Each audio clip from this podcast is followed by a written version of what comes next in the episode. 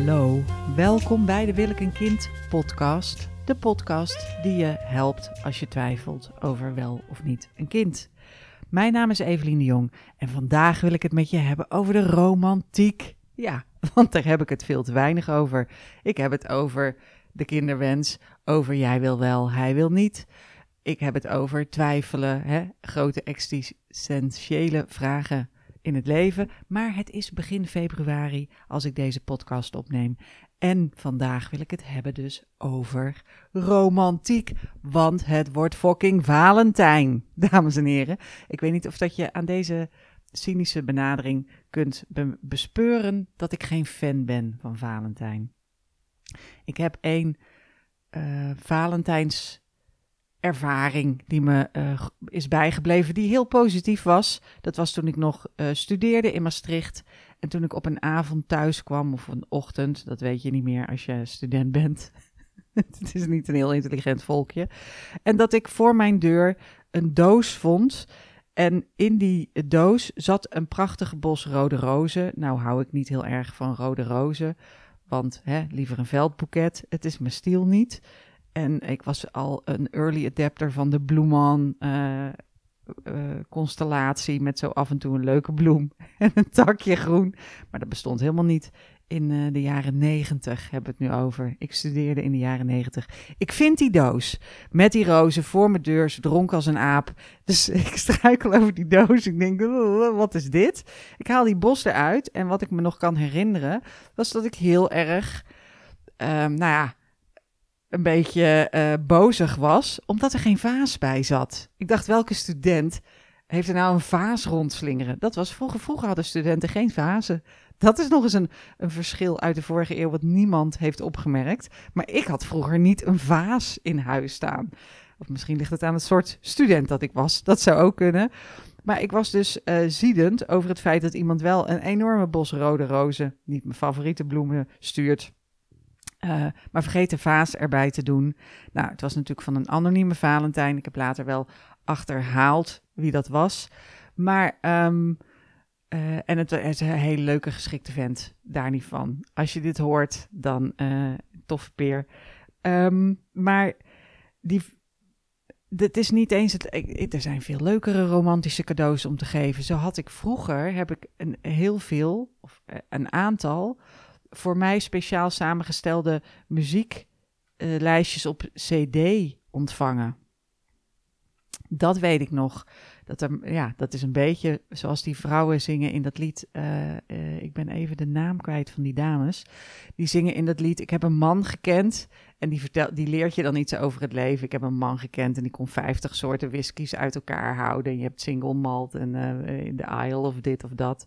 Ik heb een man gekend en die hè, kon auto's repareren. Ik moet even aan mijn eigen vriend denken en brommers.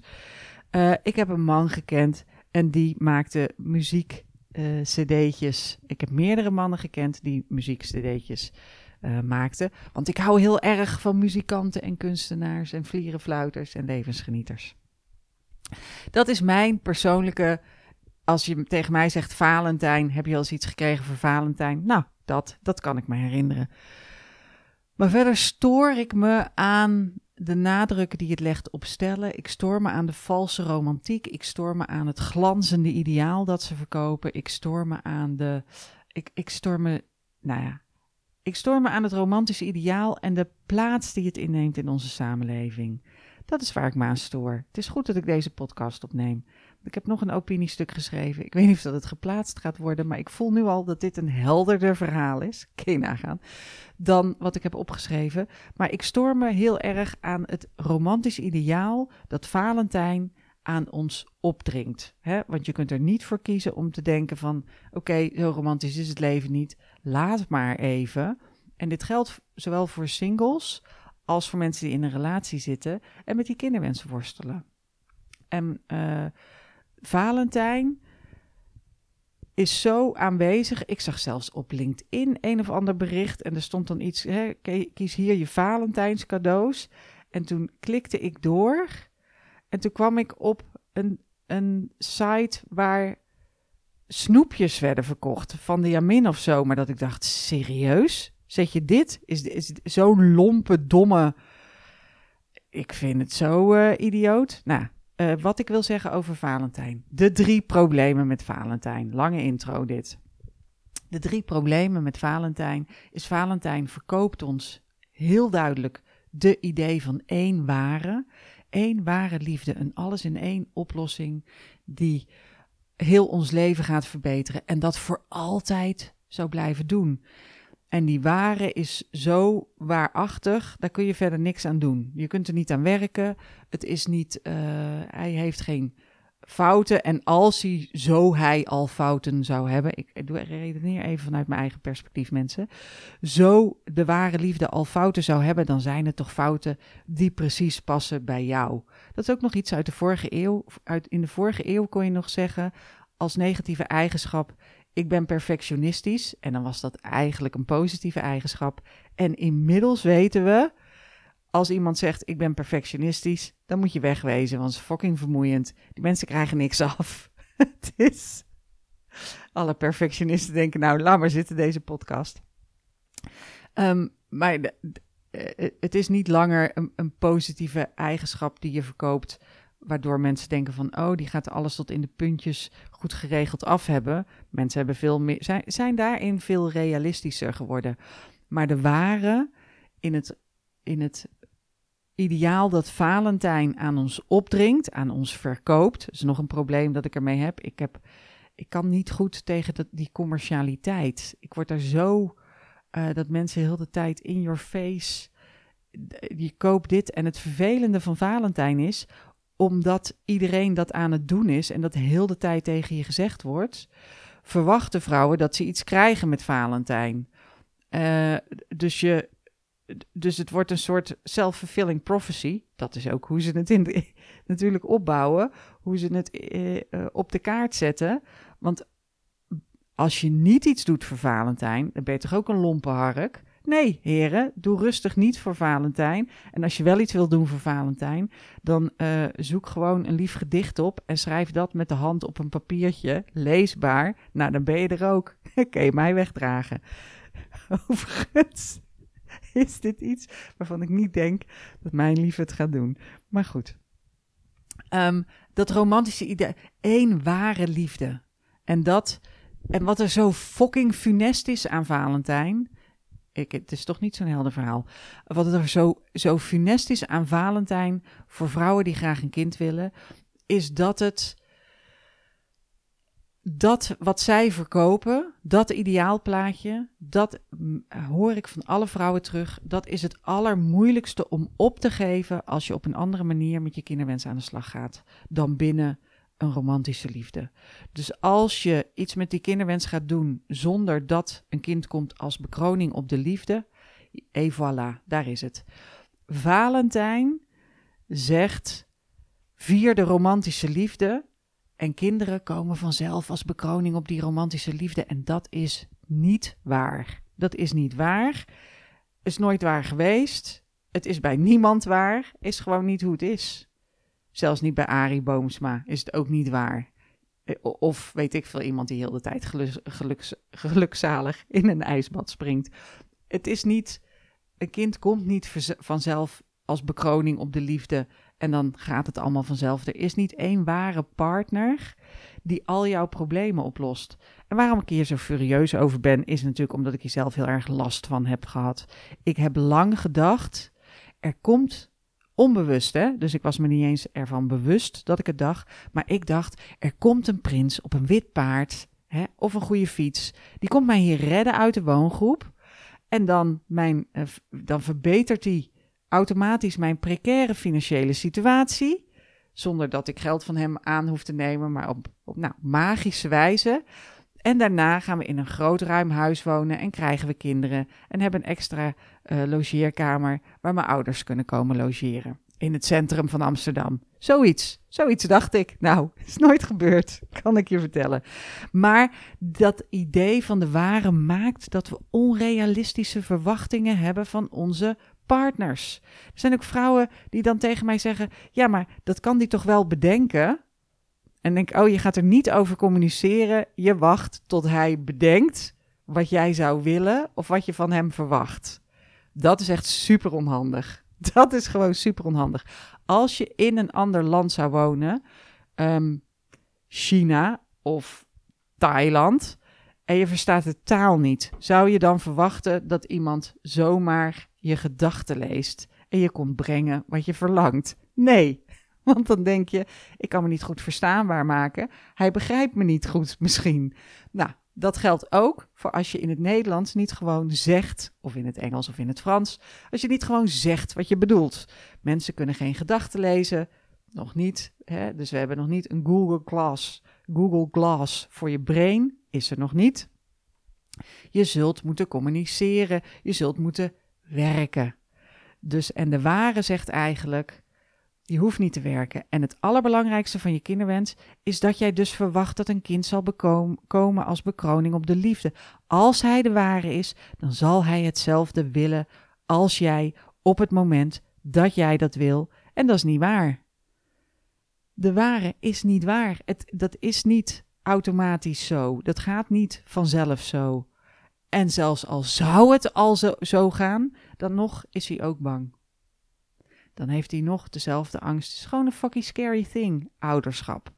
Dus de ware, die ene, die ene waarin alles moet zitten. Als jij een vriend hebt die al kinderen heeft en er geen meer wil, is het dan niet de ware voor jou? Kan dat niet, omdat hij niet hetzelfde erin staat uh, in de kinderwens? En geldt dat ook als hij geen kinderen wil en jij denkt ze wel te willen? Nou, dat, dat hele idee, die notie van een de ware liefde, van de ware partner, dat schept onrealistische verwachtingen. En dat is een bottleneck. Het tweede probleem met Valentijn, dus het eerste probleem is wat Valentijn aan ons verkoopt, is de idee van een ware liefde. Het tweede probleem met Valentijn is dat het een soort liefde verkoopt die huppelend, sprankelend, hashtag spuitend klaarkomen door het leven gaat met alleen maar jubelende hoogtepunten. En zo, lieve mensen, is het leven niet. Nee, het leven is niet glanzend en geil. En uh, nee, voor mij is romantiek. Gepassioneerd, hartstochtelijk, um, kaarslicht, dineetjes, weekendjes weg, bossen, rozen, rozen. Dat is niet, dat is helemaal niet de liefde. Liefde betekent dat je toegewijd bent. Dat je erop kunt vertrouwen dat de ander ook toegewijd is. Of de intentie heeft om toegewijd te zijn. Dan zijn we al veel. Dat zijn al bewoordingen die veel realistischer zijn. En voor het ouderschap, hè, want dat is waar we allemaal zo bang voor zijn. Maar voor het ouderschap. Ouderschap is helemaal niet geil. Ouderschap is niet uh, uh, jubelend hashtag spuitend klaarkomen, gepassioneerd bezig zijn. Ouderschap, dat weten we allemaal. Hè? Dat is ook wat je terug hoort en ziet en nou ja, wat je bespeurt bij vrienden die dat gaan doen. Ouderschap is fucking commitment. Levenslange commitment. En het is dagelijkse sleur, het is financiële stress, het is slapeloze nachten, het is een mega grote verandering en heel veel relaties overleven het ook niet. Ja, laten we daar ook eens realistisch over zijn, over de statistieken. Valentijn viert een soort liefde waar je helemaal niks aan hebt. Wat heb je eraan dat iemand zegt: Oh, wauw, hier heb je een ring. Of ik neem je mee uit eten. Of um, als het goed met me gaat, dan kun je met mij pronken en uh, um, gepassioneerd hartstochtelijke dingen doen, maar die niet gewoon mee de shit opruimt. Die niet mee nadenkt als je in de put zit of meevoelt, die niet, waar geen geborgenheid is. Een goede relatie betekent dat je daaraan werkt. Dat is niet iets wat vanzelf gaat. En het soort liefde dat Valentijn viert, is dus het soort liefde wat je helemaal niet. Dat sluit eigenlijk het ouderschap uit.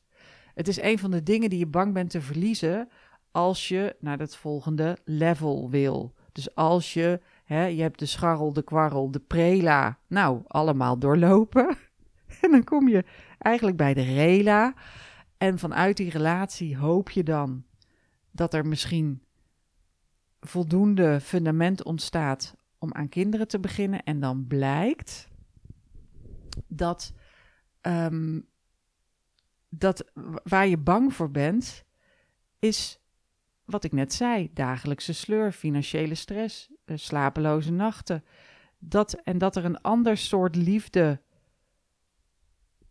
ook je dagen vult. En, en, en, ehm, eh, en, en die commitment is daar een heel belangrijk onderdeel van. Want heel veel vrouwen verwachten dat mannen die commitment wel. Ehm, dat, ze, dat, als, dat als ze romantisch zijn, dat als ze zeggen: Hier heb je rode rozen en ik neem je mee uit eten bij een fancy restaurant. Hè, wij gaan de top 10 van beste restaurants van, van Amsterdam af. En uh, als, als eten je ding is, of, of we gaan hè, romantisch een dagje naar de dierentuin. Een mail van Artes stond ook helemaal vol met Valentijnse aanbiedingen. Het is overal. En ik snap het ook wel. En ik vind het van Artes, hè, die moeten al die beesten te eten geven. Die moeten ergens hun geld vandaan halen. Maar dat, dat verkopen van iets geweldigs doen met je gezamenlijke liefde. Terwijl met je, met je gezamenlijke liefde, je mag leiden dat, die, dat het jouw dat het jouw liefde is. kan ook polyamoreus. Viert Valentijn ook verrassend weinig. Hè? Het is heel erg gericht op stellen. Het meer ouderschap. Dat is, en dat brengt me eigenlijk bij het derde. Het viert dus de verkeerde soort liefde. De romantische liefde.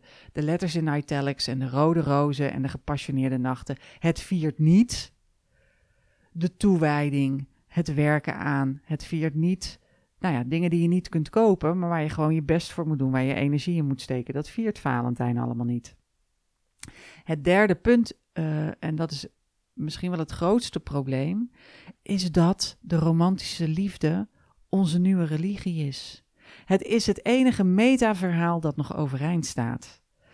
Er is niets meer wat zo waar is. Het enige waarachtige waar wij nog met z'n allen in geloven, is de romantische liefde. De rest, hè, of God wel of niet bestaat, of dat je uh, het kapitalisme, uh, uh, de kerk, allerlei stromingen. Daar is niet één groot metaverhaal waarvan iedereen zegt, als je die op de schouder tikt, wat vindt u van de liefde? Dan zegt iedereen ja, de liefde, dat is goed. En als je kijkt, Valentijn is de twee na grootste feestdag op aarde. De eerste is oud en nieuw, viert iedereen in alle landen. De tweede is dus Valentijn. En dan staat er een, een lijstje van landen waar Valentijn niet gevierd mag worden. En dan zit je in tyrannieke, dictatoriale regimes waar een vrouw al helemaal niet wil wonen. Maar ik denk dus dat je ook niet dat is, uh, die andere landen het waren allemaal heel verschrikkelijke landen. Dat ik dacht, nee, ja, in dat rijtje wil je helemaal niet zitten. En ik wil ook helemaal niet in het kamp zitten van de mensen die Valentijn verbieden. Maar ik zou wel zeggen, laten we Valentijn aanpassen. Laten we je vrienden vieren. Laten we niet de romantische liefde vieren, maar de toewijding aan de liefde. En werken aan de liefde. En um, ik vind het zo belangrijk dat, dat vrouwen zien dat die romantische liefde niet zaligmakend is. Nou, daar heb ik het gezegd. Wat het lijkt alsof het meest belangrijke in een mensleven, en zeker in een vrouwenleven van een vrouw uh, halverwege de dertig die graag een kind wil, het allerbelangrijkste is het vinden van die liefde. Is dat ideaalplaatje wat iedereen aan je verkoopt en wat als je dat niet binnen handbereik hebt, voelt als zo'n groot verlies. Want dat is uiteindelijk waar het op neerkomt, is dat vrouwen en masse tegen mij zeggen: het voelt zo als verlies nemen. Het voelt als een plan B voor het allerbelangrijkste in mijn leven. Het voelt als iets wat ik helemaal niet wil. Wat ik wil is het ideaalplaatje en al het andere wat ik doe voelt gewoon heel verdrietig. Voelt niet goed. En dus komen ze steeds terug op de liefde. En wat helemaal belangrijk is, is dat ze zich laten afleiden door de liefde. Dus stel, jij gaat net speeddaten met. Um, voor bij, bij, bij, of, of je schrijft je in bij One Wish om te gaan daten voor je kinderwens. En dan komt Valentijn en je krijgt een kaartje van iemand. En meteen denk je: Oh, moet ik nog wel gaan daten voor mijn kinderwens? Want misschien is dit hem wel. En dat gevaar, als dat het, het, gevaar van misschien wel het ideaalplaatje tegenkomen, En dan overroelt dat ideaalplaatje alles. En dat mag van mij ook. Ik zeg ook altijd in mijn begeleiding, zeg ik altijd tegen vrouwen: zet het gewoon met stip op één, verder niks meer aan doen. Want het mooie aan de romantische liefde is: je kan er niks aan doen, je kan er niet aan werken, je kan hem niet in huis halen, je kan het niet forceren. Hoe naarstiger je ernaar op zoek gaat, hoe wanhopiger je overkomt, des te kleiner de kansen dat het ook daadwerkelijk zich gaat realiseren, die romantische liefde. Zet hem met stip op één, laat hem er staan. Voor mij maak je vision board, hang je dat aan de wand. Maar je kunt er niet je energie in steken. En heel veel energie van heel veel vrouwen gaat zitten in wachten op de ware liefde. En dat is dus zo funest voor je kinderwens. En ook dat vrouwen, het is, het is zo moeilijk om te zeggen, om je kinderen, dat is het allermoeilijkste. Het allermoeilijkste van die hele kinderwens, als je naar deze podcast luistert, de twijfel die je hebt, heb je omdat dat verlangen naar het moederschap of het ouderschap, dat vraagt een offer van je.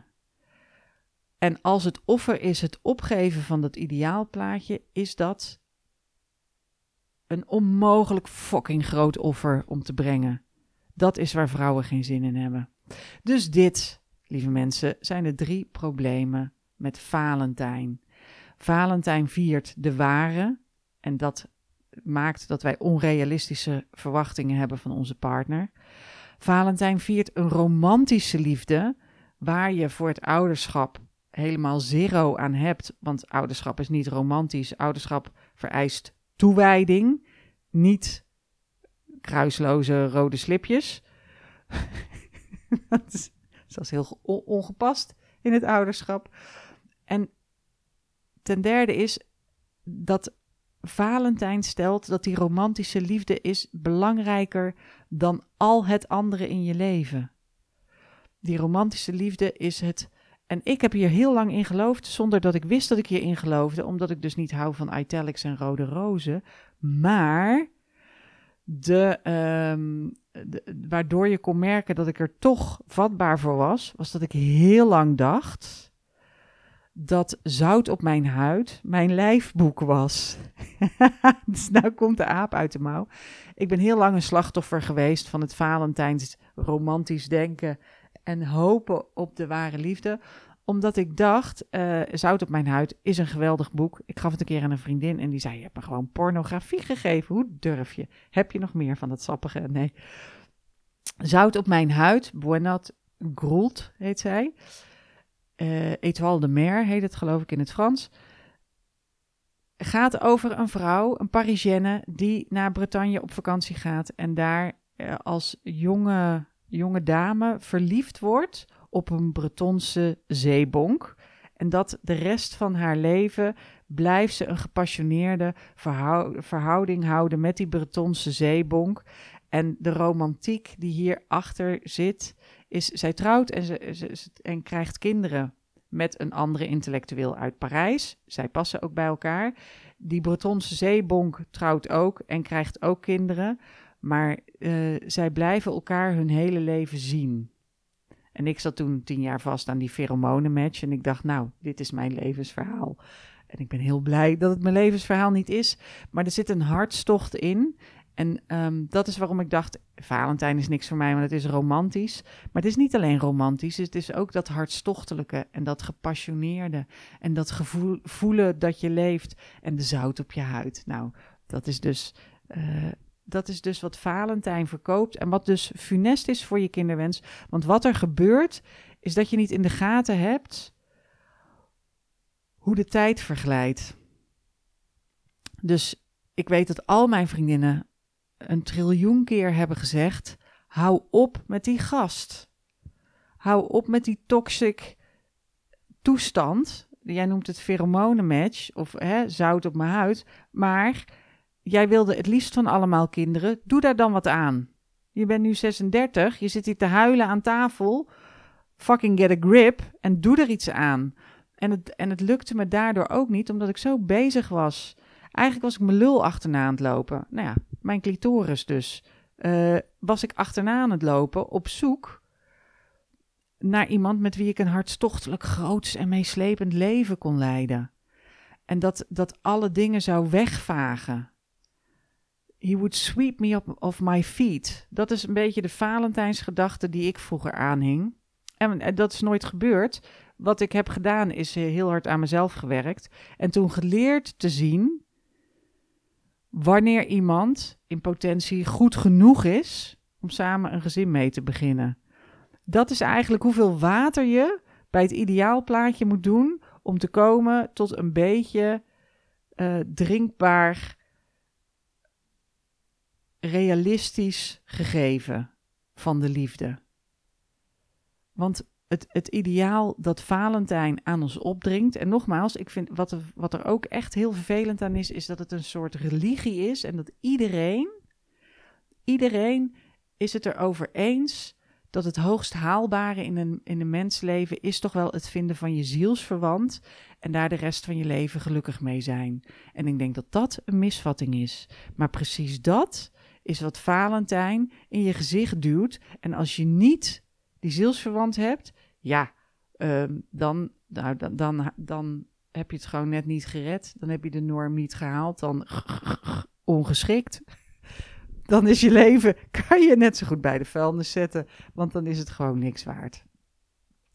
Dus dat, uh, lieve dames en heren, is mijn probleem met Valentijn. En wat die romantiek doet met je kinderwens, is dat je denkt: wat wij nodig hebben als hij maar de ware zou zijn, als onze hartstocht en passie en romantische liefde maar groots en vervullend genoeg zou zijn, als wij maar echt voorbestemd zouden zijn voor elkaar, dan zou dit wel lukken. En um, ik ken zelfs uh, helemaal in het begin, toen ik dit werk ging doen, ben ik ook, heb ik gewerkt met een dame die zei: Oké, hij hoeft niet een kind met mij te willen. Ik snap dat hij dat niet wil. Maar waar ik bang voor ben, is dat als het later uitgaat, dat hij dan nog kinderen krijgt met een ander. Dus als hij nu geen kind met mij wil, dan wil ik ook dat hij zich steriliseert. Want dan uh, laten we het zonder kinderen zitten. Maar dan wil ik dat hij dat voor mij doet. Want dat is de commitment die ik van hem verlang. Terwijl als je op dat niveau met iemand anders bezig bent, dan is dat niet de juiste vorm van toewijding. Dan gaan we toe naar naar een heel ander soort verbinding. Het is niet eens een verbinding, het is een soort vasttimmeren. het is een beetje. Um, dat is niet. Dus het, het, het, het is zo'n alles of niets verhaal, de liefde in Valentijn. Terwijl het eigenlijk werk is en ruimte laten voor groei. En het is continu de balans vinden. Dus het is eigenlijk permanente disbalans. Want eh, een balans is niet een vaststaand gegeven. Het is niet iets wat stil is, dat de dingen in balans zijn en dan voor altijd zo blijven. De dingen zijn in balans als het dan een beetje die kant op gaat en dan een beetje die kant op. En als je weet van, oh, als ik deze gewichtjes in de schaal leg, leg hij aan zijn kant die gewichtjes in de schaal. En zo komen we er steeds uit. En het kan best zijn dat je de liefde van je leven ontmoet hebt en dat jullie zielsgelukkig met elkaar zijn, maar dat jullie er anders in staan qua kinderwens. En dat is oké. Je mag er anders in staan qua kinderwens. En dan mag je ook nog dat los van elkaar invullen. Dat is iets wat ik heel weinig tegenkom, eigenlijk in alle adviezen. En um, dat komt misschien omdat samengestelde gezinnen lastig zijn en complex en vermoeiend, maar het is ook een gegeven. Het is een gegeven dat er samengestelde gezinnen zijn. Dat als je niet mensen verplicht om in een slecht huwelijk te blijven, dan krijg je dus mensen die met kinderen een nieuwe relatie willen aangaan. En alle problemen van dien. En je krijgt bonusmoederschap. En je krijgt dus op, op en dat is zoeken, dat is werken. Maar als je toegewijd bent, dan kan dat. Nou, rest mij jullie alle liefde in de wereld te wensen. En heel veel wijsheid ook in je kinderwens. En vooral een, een hele realistische Valentijn. Een realistische Valentijn. Ik weet niet wat ik ga doen deze Valentijn. Maar ik hoop op. Um, nou, ik weet, Valentijn valt op een dag dat mijn vriend er überhaupt helemaal niet is. En als we toch iets voor Valentijn gaan doen, nou, de sauna komt mij altijd heel goed uit. Want uh, we gaan regelmatig naar de sauna. En uh, anders zou ik ook wel eens een financieel plan willen maken. Hè, voor de grote dingen die wij nog willen doen samen in ons leven. Dat lijkt me een goede afsluiter van deze podcast. Als je iets goeds wil doen met Valentijn, maak een financieel plan. Uh, want het is per slotverrekening een commercieel feest. Nou, mocht je nou denken: hé, hey, ik zit hartstikke vast met de fucking liefde en dat onbereikbare ideaal en mijn kinderwens. Ik loop op mijn tandvlees. Dan kijk eens op willekenkind.nl schuine streep gratis. Willekenkind.nl schuine streep gratis. Daar vind je twee gidsen. De kinderwens beslisgids. Een gids over vruchtbaarheid van vrouwen. Is ook iets wat je wil weten voordat je Valentijn uitbundig gaat liggen vieren. En je leest er ook wanneer er een gratis masterclass aankomt. En in die gratis masterclass, die geef ik altijd live, kun je je vragen stellen aan mij direct persoonlijk. En ik heb allemaal ontzettend inspirerende en motiverende opdrachten voor je om een eerste stap te maken met die kinderwens. En ik zie je hartstikke graag in zo'n gratis masterclass. Dus wil ik een kind, schuine streep, gratis. En je kan je er ook nog opgeven voor de nieuwsbrief. Nou, fijne Valentijn allemaal. Doeg!